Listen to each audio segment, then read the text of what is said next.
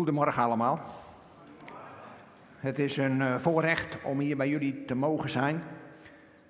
Heerlijk om zo weer uh, een groep mensen voor je te hebben. Fijn dat jullie er zijn. En we voelen ons verbonden met mensen die meekijken en meeluisteren.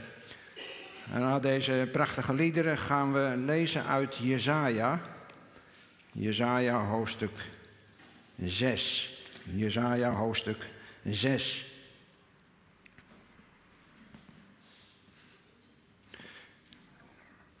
Jesaja hoofdstuk 6 en we lezen daarvan de versen 1 tot en met 9a. Jesaja 6 vers 1 tot 9a. En ik lees uit de herziene statenvertaling.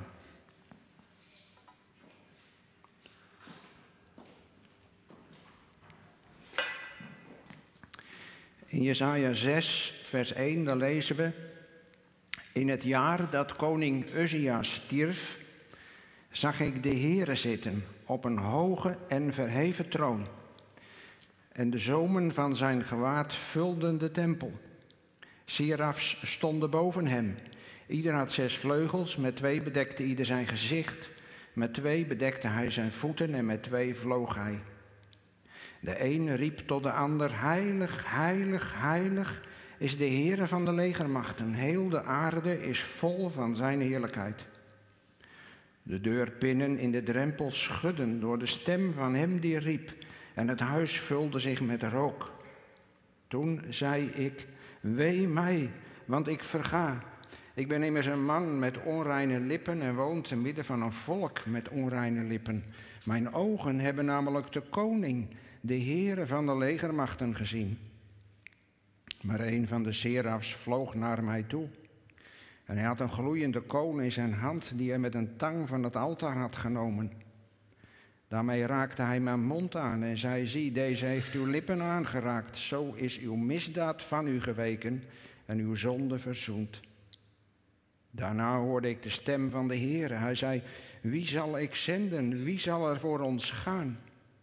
Toen zei ik: Zie, hier ben ik, zend mij. Toen zei hij: Ga. Tot zover de lezing van het woord van de Heer. En we willen vanmorgen nadenken over dit hele gedeelte. En dan als thema heb ik boven gezet, inderdaad, de heiligheid van God. En de vraag die hier aan Jezaja gesteld wordt aan het eind. Wie zal ik zenden? Zie, hier ben ik. Ga. Gemeente van onze Heer Jezus Christus. Er was een vrouw die had besloten, het was op een zondagavond, morgenochtend, dan ga ik het zeggen tegen mijn man. Morgenochtend ga ik zeggen dat ik de echtscheiding aan ga vragen. Het gaat niet langer. Ik kan het niet meer aan. Het is over. Kort daarna, diezelfde zondagavond, kwam er een sterke overtuiging in haar hart. Ze wist het zeker. Ik moet naar die kerk gaan, die kerk aan de overkant van de straat. Die kerk met dat groene dak. En ze was helemaal niet gewend om naar de kerk te gaan. En ze ging. Zo sterk was die aandrang. En de dienst was al begonnen. Ze deed de deur open, stapte naar binnen. Er was nog geen tien meter de kerkzaal in gelopen. Of ze viel plat voorover op haar knieën en ze riep het uit: Ik heb gezondigd. Is er voor mij nog redding?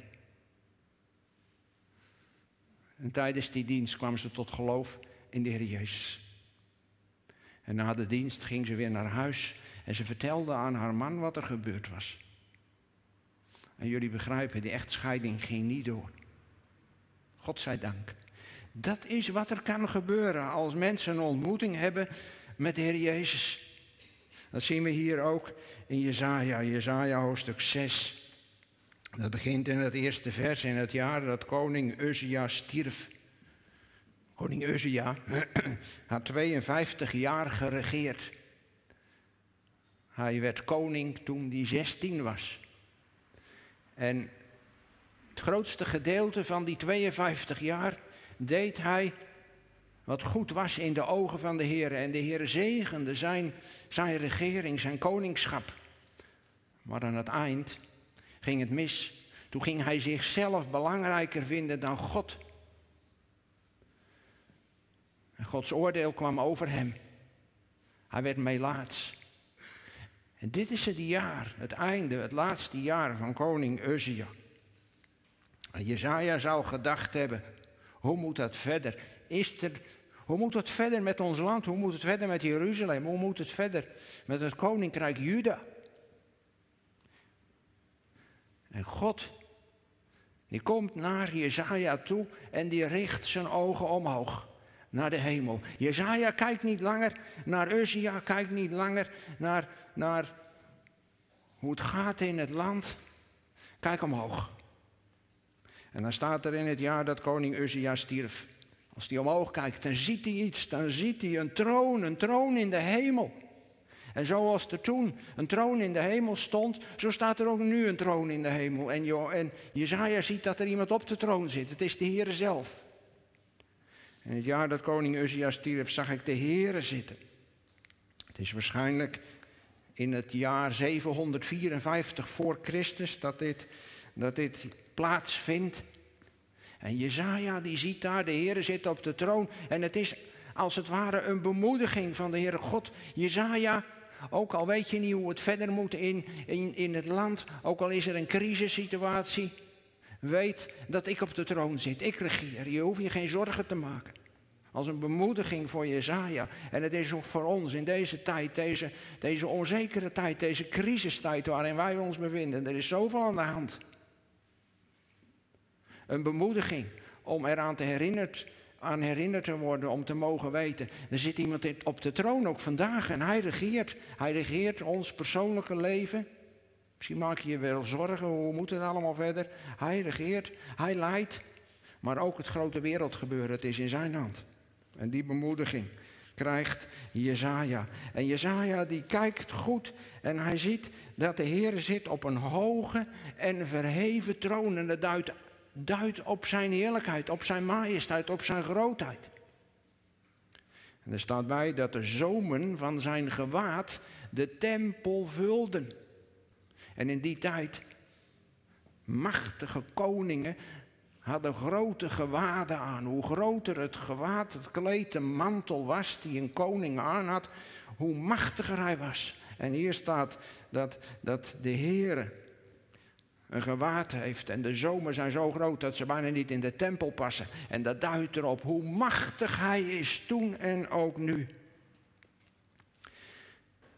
Het is mooi hier wat Jezaja ziet. Het was bij Mozes al zo. Mozes moest de berg op, de berg Sinaï. En God toonde hem in de hemel als het ware hoe het daar was. Daar was ook een tempel in de hemel. En, en, en zoals Mozes het zag in de hemel, zo moest hij het maken op aarde. De tabernakel en later de tempel. En Jezaja die kijkt verder en die ziet daar serafs. Vers 2. Serafs stonden boven hem. Serafs. Dat, zijn, dat is een soort engelen. Je komt ze verder niet tegen in de Bijbel, maar het woord seraf betekent de brandenden. Alsof het fakkels zijn die licht geven, die zijn daar bij de Heer. Ze staan boven hem. En die serafs, die engelen, hebben zes vleugels. En met twee vleugels bedekken ze, staat er, hun gezicht. En daar zit de gedachte in van, van nederigheid. God is zo groot, zo heilig. Ook die serafs konden God niet aanzien. Ze bedekten hun gezicht en ze bedekten ook hun voeten. De laagste delen van hun wezen. En dat duidt weer op de grootheid van God en hun nederigheid. En die serafs, die hadden nog twee vleugels over en die konden ze gebruiken om te vliegen. Als ze van, van de Heer een opdracht kregen, ga daarheen, doe dit. Hier krijgen ze de opdracht om naar Jezaja toe te gaan, vanuit de hemel naar de aarde, naar Jezaja. Die twee vleugels geeft aan dat die serafs klaar stonden om direct in actie te komen, direct het bevel te volgen wat ze krijgen. En Jezaja die kijkt verder en die luistert en die hoort dat die serafs praten. Er staat hier de een riep tegen de ander. Heilig, heilig, heilig is de Heere van de legermachten. Heel de aarde is vol van zijn heerlijkheid. Die serafs die brengen de Heere lof, eer en aanbidding toe. En het is zo, dan moet je weten, als een, in het Hebreeuws, als een woord twee keer achter elkaar genoemd wordt, dan geeft dat aan dat dat woord extra nadruk krijgt, dat het heel erg belangrijk is. En zeker hier wordt een woord drie keer achter elkaar gebruikt. Heilig, heilig, heilig. En dat duidt aan hoe belangrijk dat is. Het is de enige eigenschap van God. De heiligheid van Hem in de Bijbel, die drie keer achter elkaar genoemd wordt, is het allerbelangrijkste. Eigenschap van de Heere God. Heilig, heilig, heilig. je komt het nog een keer in de Bijbel tegen. Weet iemand waar? In Openbaring. Openbaring hoofdstuk 4. Waar Johannes in de hemel mag kijken. En dan hoort hij dat ook. Openbaring 4, vers 8. Heilig, heilig, heilig is de Heer, God de Almachtige. Die was, die is en die komt.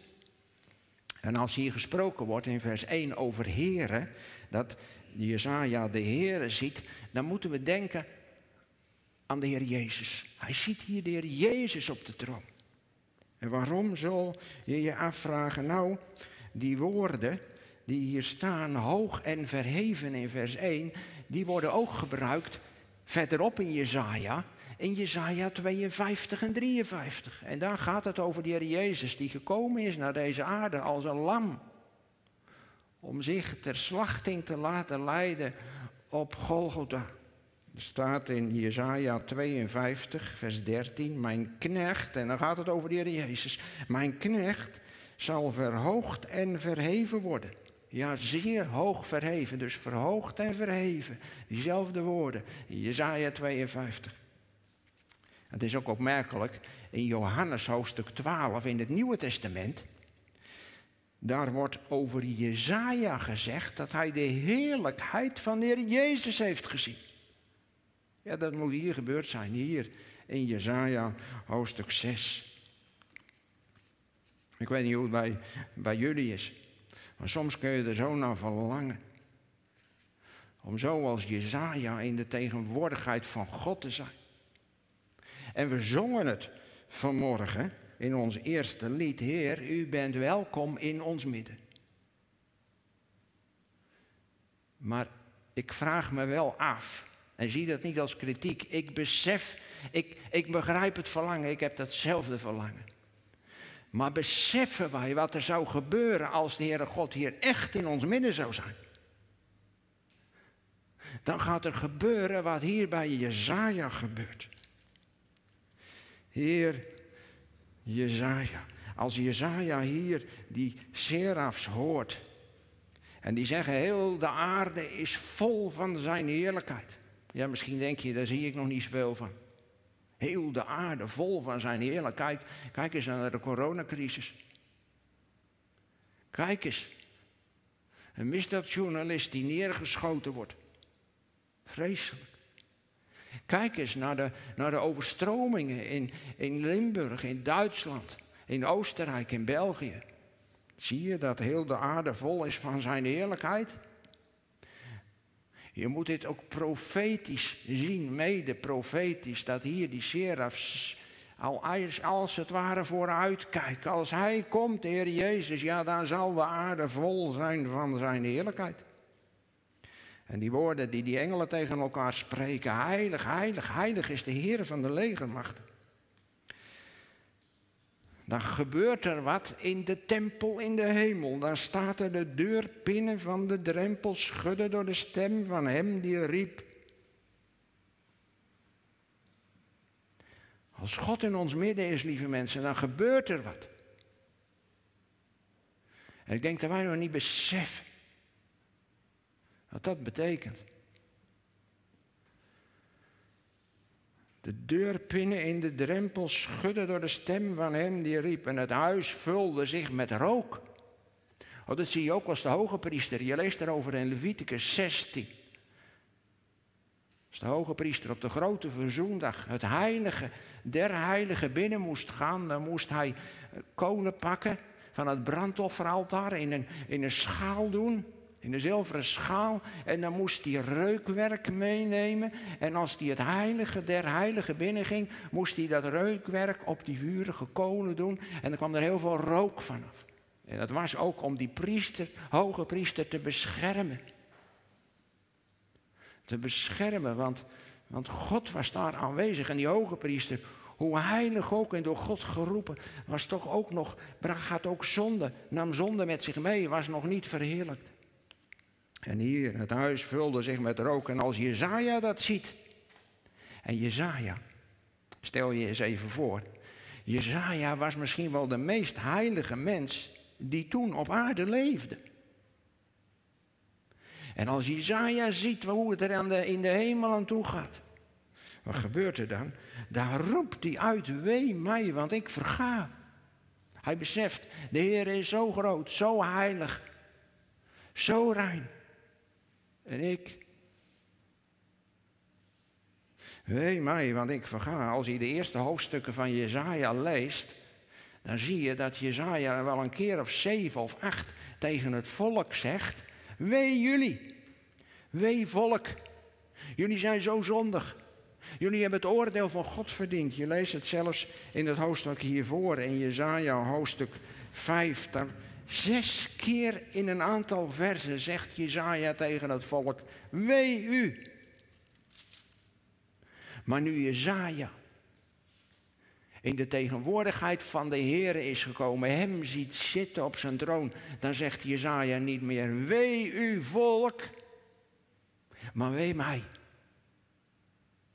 Ik weet niet hoe het bij jullie is. Jullie zijn misschien zo heilig, zo rein dat jullie dat niet doen. Dat zou kunnen.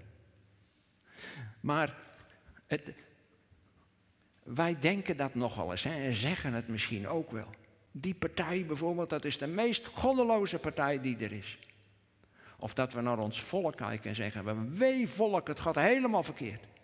Of naar een andere kerk dat je zegt, nou ja, wij, wij hier, wij zijn trouw aan het woord. Maar die kerk, nou, die, die nemen de Bijbel niet zo serieus meer. Wee jullie. Maar hier is het over bij Jezaja. Die zegt, wee mij, wee mij. Want ik verga. En dat woordje verga, dat, dat houdt in.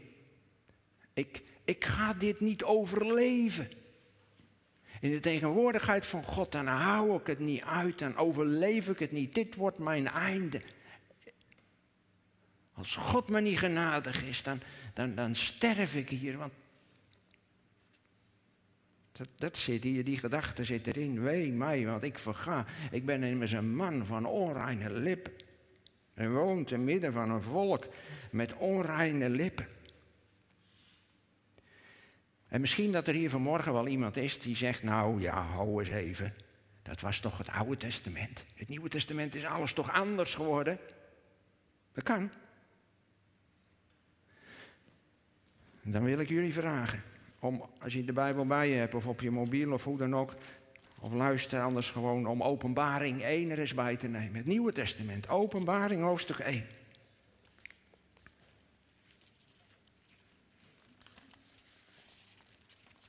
Openbaring hoofdstuk 1. Dan gaat het over Johannes die op Patmos is. En daar ziet hij ook de Heer Jezus.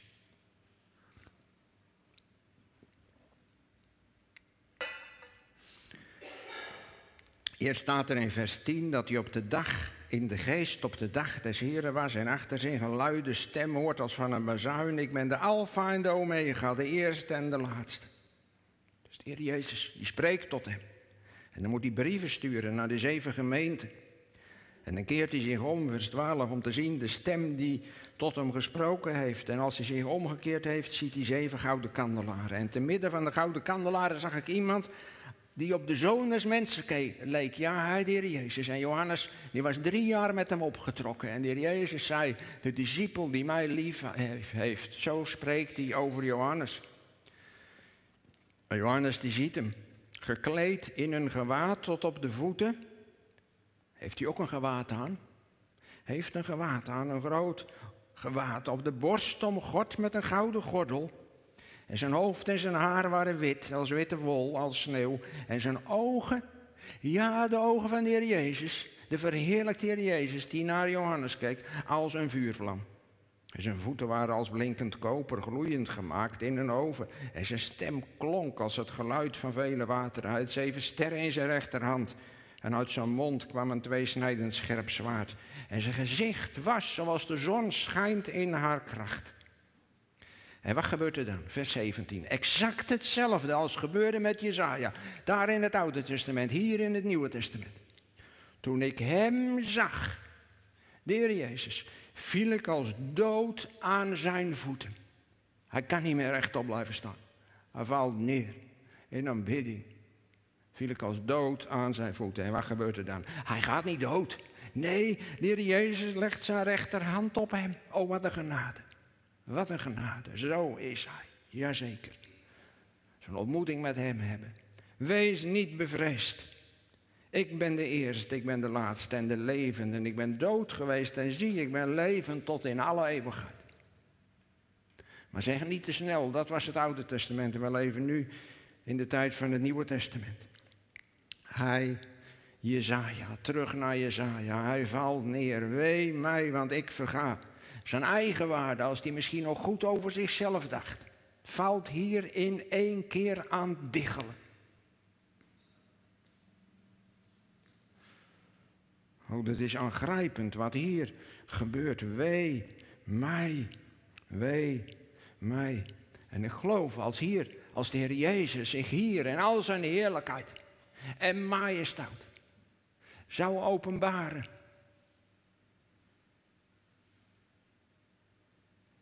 Dan zou dat ook gebeuren. En denk niet te snel, dat zal wel meevallen. Ik heb me in de loop van de jaren behoorlijk verdiept in de opwekkingsgeschiedenis. En je ziet vaak in de opwekkingsgeschiedenis, als de Heer verschijnt, als de opwekking uitbreekt, dat exact datzelfde gebeurt. In Korea brak de opwekking uit ruim een eeuw geleden, in 1904 of 1906. In Pyongyang, nu de hoofdstad van Noord-Korea, daar brak de opwekking uit. En zij verlangden naar, naar een krachtig werk van Gods geest. En er waren bidders, die hadden al, al lange tijd gebeden om een opwekking. En er was een kerkdienst aan de gang. En de kerkdienst was afgelopen, lieve mensen. En normaal, als je de kerkdienst afgelopen is, dan, dan, dan ga je naar buiten. Misschien koffie drinken of naar huis toe. Maar daar, de mensen bleven in de kerk. De opwekking brak uit. En al heel veel mensen in de kerk, die vielen op hun knieën neer. En die riepen wat Jezaja hier zei, wee mij, ik heb gezondigd, is er voor mij nog redding? Is een grote gemeente, er waren verschillende voorgangers. En de ene voorganger ging naar de andere voorganger en hij zei, wil je me vergeven, ik ben jaloers op jou, omdat ik dacht dat God jouw prediking meer zegent dan de mijne.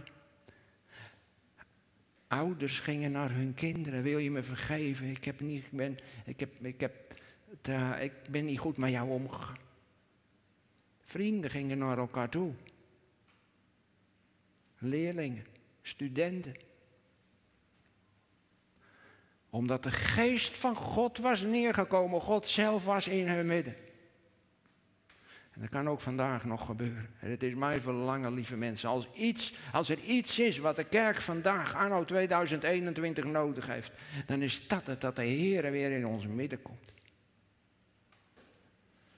Wee mij, wee mij, ik ben immers een man van onreine lippen. Hij wist wat er in zijn hart leeft. En dat dat door zijn lippen, door zijn mond naar buiten komt. Ik ben een man van onreine lippen en ook mijn volk. En wat een les. Wat een les ook voor ons. Wee mij, ik verga. Mijn ogen hebben namelijk de koning, de Heere van de legermachten gezien. Kom je vaker tegen in de Bijbel. Ik heb al op, op Johannes gewezen in openbaring. Nog een tekst uit het Oude Testament. Bij broeder Job. Broeder Job in Job 42, vers 5 en 6. En er is heel veel gebeurd met Job. Een enorm zware weg van lijden. En dan in Job 42, vers 5 zegt hij: Alleen door te luisteren met het oor had ik u gehoord. Maar nu, zegt hij, heeft mijn oog u gezien. Ja, ook hij, Job, had de Heer gezien. En dan zegt hij, daarom veracht ik mij in stof en as en heb ik berouw. Maar ook in het Nieuwe Testament. Lucas, hoofdstuk 5, Lucas 5, vers 8. De wonderbare visvangst. De discipelen hebben heel de nacht gevist. Moet je je voorstellen, misschien zitten hier wel vissers in ons midden. Er is hier veel water in de omgeving. Je hebt een hele nacht gevist, je hebt niks gevangen. En dan komt er een vreemdeling, die staat s'morgens aan de kant. En die zegt, joh, je moet je net aan de andere kant gooien, je moet het anders doen. En dan denk je misschien, oh, vreemdeling, je hebt er toch geen verstand van. Ik weet, ik, ik ben een visser, ik heb er verstand van. En dat doe je niet als visser. Maar er is macht in het spreken van de Heer Jezus. En de discipelen doen wat Hij zegt. En dan vangen ze ongelooflijk veel vis. En dan komen ze aan de kant en dan, dan zien ze dat het Jezus is. En dan Petrus. Die valt op zijn knieën voor Jezus neer. En die zegt, Heer, ga weg van mij, want ik ben een zondig mens. Dezelfde reactie, wee mij. En Jezaja.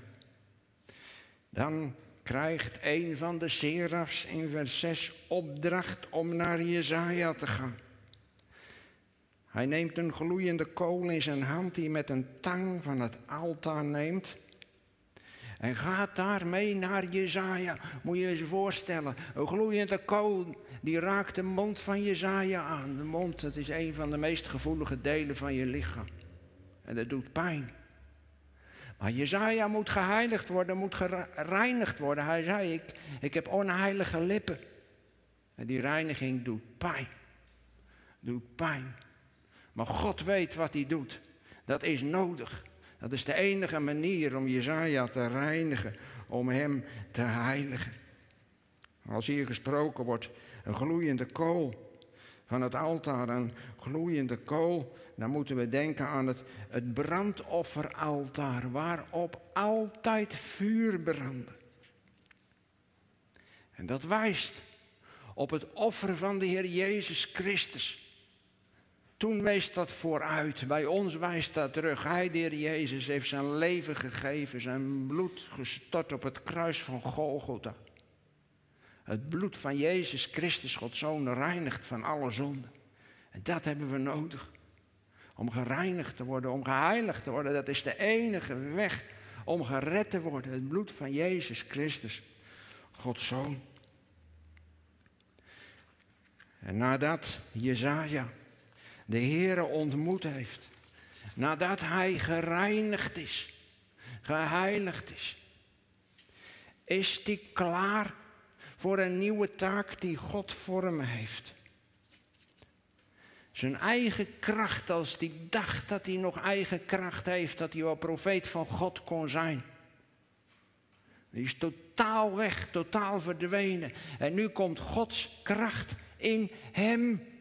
Zoals Zoals Paulus ook zegt, ik ben zwak, maar juist als ik zwak ben, dan ben ik machtig. God wil zijn kracht volbrengen in mijn zwakheid en dat hebben wij ook zo nodig.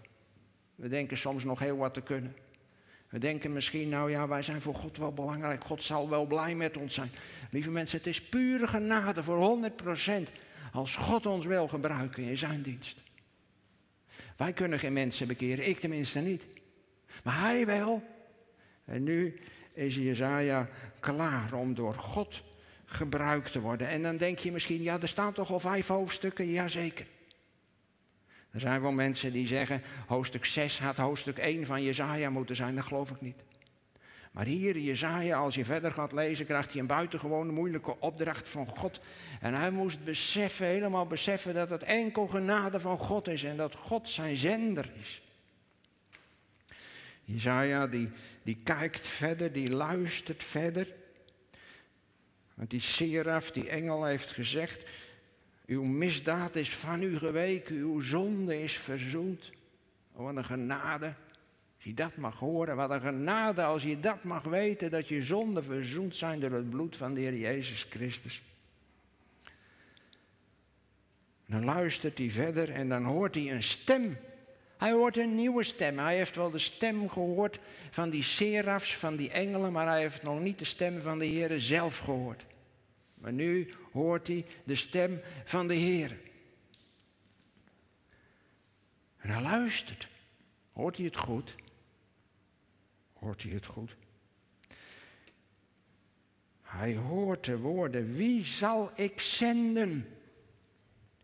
Wie zal er voor ons gaan? Wie zal ik zenden? Die stem, beste mensen, die klinkt ook vanmorgen. Ik geloof dat God het ook vanmorgen zegt. En misschien zijn er wel mensen die hier zijn, of mensen die thuis meeluisteren. En ik geloof dat God, en, dat God speciaal op zoek is ook naar jonge mensen. Dat hij misschien dat je zijn stem hoort als je goed luistert. Wie zal ik zenden?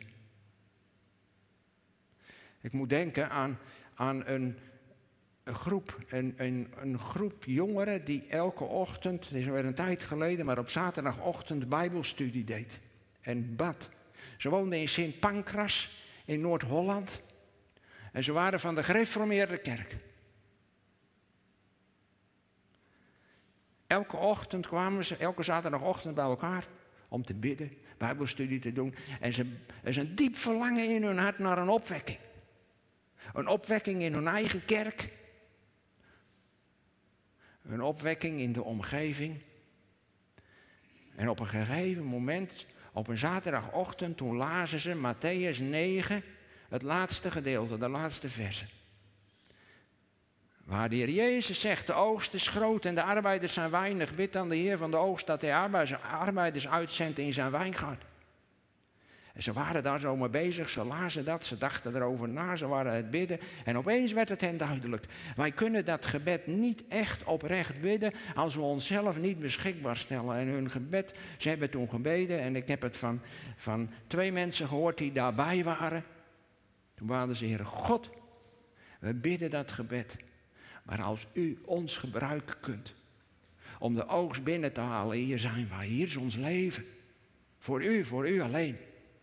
En het wonder is dat heel die gebedsgroep door God is ingeschakeld in zijn dienst om het evangelie te brengen. Sommigen dichtbij, anderen wereldwijd. Ik zal twee namen noemen van die groep. De ene was Anne van der Bijl. Van Open Doors. Misschien dat sommigen hem nog wel kennen. Hij leeft geloof ik ook nog, hij is heel oud. heeft ontzettend veel gedaan in het koninkrijk van God. Om het evangelie te brengen, ook voor de vervolgde christenen en in de moslimwereld. En de andere is dominee Bram Krol. Jarenlang gewerkt bij Agape, dominee geweest. En nu is hij zendeling. In Afrika, in Azië.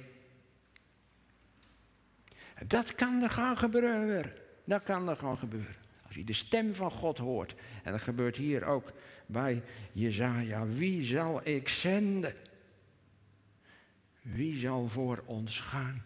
En ik heb wel mensen ontmoet. Ik heb poosje terug ontmoette ik iemand en die zei toen ik jong was heb ik de stem van de Heer gehoord. Mag ik jou zenden?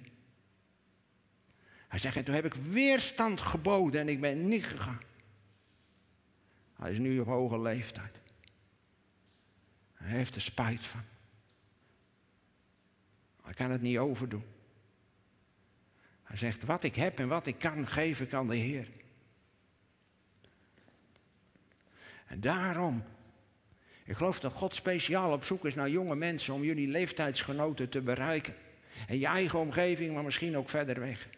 En de ene zal die roepen voor een taak dichtbij, misschien als bidder. Als je zegt, ik ben te oud om nog geroepen te worden. Ik ben niet te oud om te bidden. Te bidden voor misschien je ongelovige buurman of je collega. Of een kind of een kleinkind of een vader of een moeder. Wie zal ik zenden? Wie zal voor ons gaan? En het is een voorrecht, het is genade als Hij je roept, als Hij je wil zenden. Jazeker. Maar het is zijn werk. Het is niet zo dat je denkt, nou ga ik eens eventjes voor God aan de slag. Het is wel mooi als je die, die gedachte hebt, maar ten diepste is het God die roept. En is het God die zendt. Want als je zelf denkt, nou ja, ik ga dit voor God doen en dat voor God doen. Als er dan moeilijkheden komen, dan kan het heel moeilijk zijn om het vol te houden. Maar als je zeker weet dat God je geroepen heeft, dan kun je daarop terugvallen. Heer God, u hebt me zelf geroepen. Ik vertrouw op u. En ik weet waar ik het over heb. Mijn dochter, die werkt al meer dan tien jaar op een basis van jeugd met een opdracht in Rio de Janeiro in de Sloppenwijk. Ik kan me nog herinneren, elf jaar terug is ze op een werkvakantie er naartoe geweest. En toen kwam ze terug en toen wist ze zeker, God wil dat ik daar aan de slag ga. En ze is gegaan. En er zijn moeilijk, en ze is nu ruim 30, ze is momenteel op verlof in, in ons land, gelukkig, dat kon.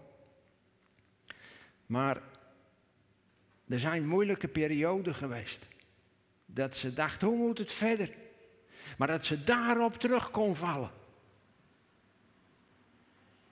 God heeft me geroepen. Het is niet ons werk, het is zijn werk.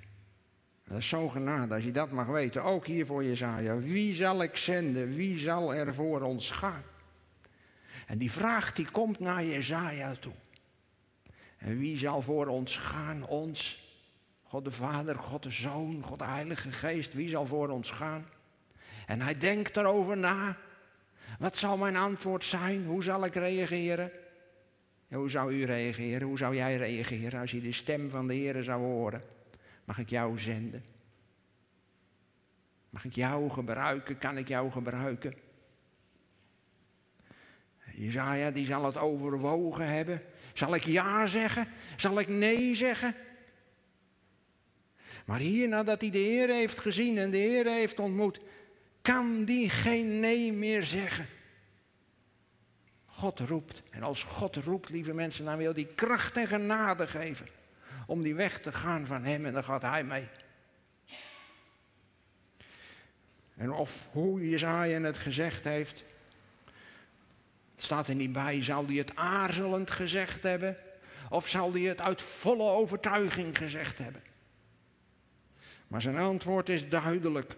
Toen zei ik, vers 8, toen zei ik, zie, hier ben ik, zend mij. Ik hoop dat er mensen zijn die dat na kunnen zeggen vanmorgen. Heer, hier ben ik. Hier ben ik. Zend mij. De wereld om ons heen gaat kapot zonder het evangelie van de Heer Jezus Christus. De Bijbel zegt er is maar één naam onder de hemel gegeven. De naam van de Heer Jezus om gered te worden. Je vrienden, hoe aardig ze misschien ook zijn. Die kunnen niet gered worden als ze de Heer Jezus niet kennen. Daarom. Zie, hier ben ik. En dan is het nog spannend. Wij weten hoe het verder gaat, maar wat zal het antwoord van de Heer zijn? Zal de Heer hem in zijn dienst nemen of in zijn dienst houden? Of misschien zeggen, ja Jezaja, dat kan jij nou wel willen, maar je bent er niet geschikt voor? Ik kan me voorstellen dat het heel spannend voor Jezaja geweest is, dat misschien zijn hart in zijn keel geklopt heeft. Wat zal het antwoord zijn? En hij luistert. Hij luistert ingespannen. Hij wil geen woord missen. Wat zal de Heer antwoorden? En dan begint de Heer te spreken. Toen zei hij, vers 9, ga. Ga. Ik geloof, God is een sprekende God, ook vandaag nog. Hij kan het ook tegen ons zeggen. Ga. Jullie hier als gemeente. Want ik heb het nu toegespitst op personen. Maar ik geloof dat de Heer ook tot de gemeente spreekt. Kan ik jullie gebruiken? Kan ik jullie zenden? Voor de mensen hier in de, in de omgeving, in de wijde omgeving, die mij nog niet kennen. Ik wil ze zo graag redden, maar de Heer gebruikt mensen om andere mensen te redden. Ga. Ga. In je eigen omgeving misschien. Je vrienden, je collega's, je buren, je familie. Maar sommigen misschien ook wel verder weg. En misschien zeg je wel, ja, maar de komst van de Heer is toch dichtbij. Heeft dat nog wel zin? Ja, dat geloof ik ook. De komst van de Heer is dichtbij. Maar wij weten niet hoe lang. We weten niet hoe lang. Maar wat we wel weten is dat God niet wil dat iemand verloren gaat, maar dat alle gered zullen worden. Ook jouw vriend, ook jouw vriendin. Of wie dan ook. Hier ben ik. Vul mij met uw geest. Vul me met uw genade. Vul me met uw kracht. Ga. Ik denk aan dat lied. Prachtige woorden. Het nummer ben ik even kwijt van dat lied. Maar het is de refrein, geloof ik. En bid het maar mee in stilte als een gebed. Hier ben ik, Heer. Vul mij. Hier ben ik, Heer. Vorm mij. Hier ben ik, Heer. Leid mij. Hier ben ik, Heer. Zend mij. Ga. De Heer zegene jullie. Amen. We de Heer danken. Trouwe God, Vader in de hemel.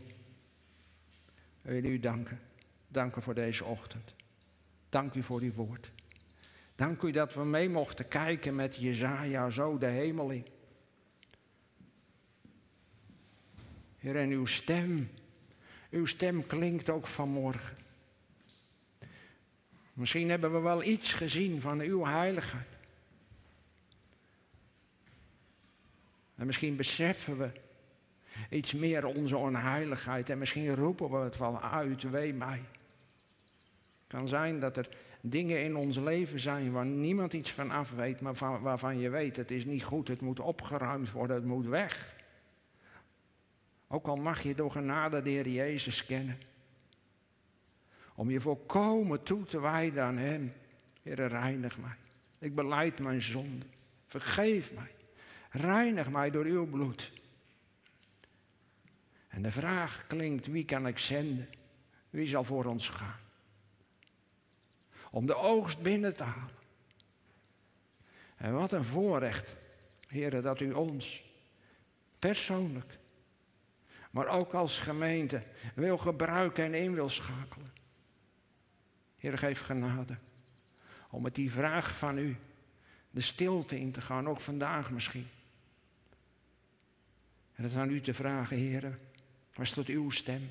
Wilt u het nog eens tegen me zeggen?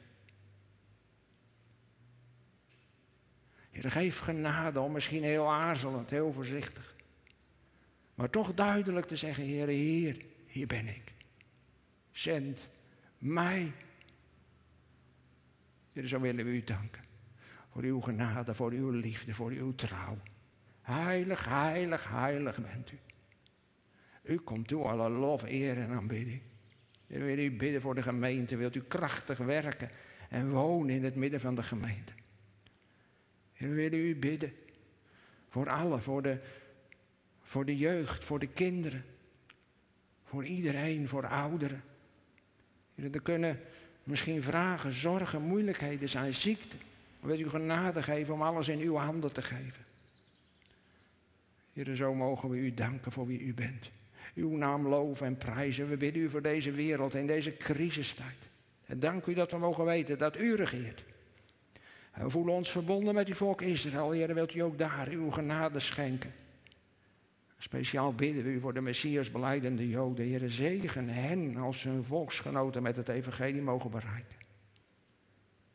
Heer, u komt toe. Alle lof, alle eer, alle aanbidding. En geef genade, Heer. En dat wil zeggen, u zeggen. Hier is ons leven. Het is voor u. Ons vertrouwen. Stellen we op u alleen. Geprezen zij uw wonderbare naam. Halleluja. Amen.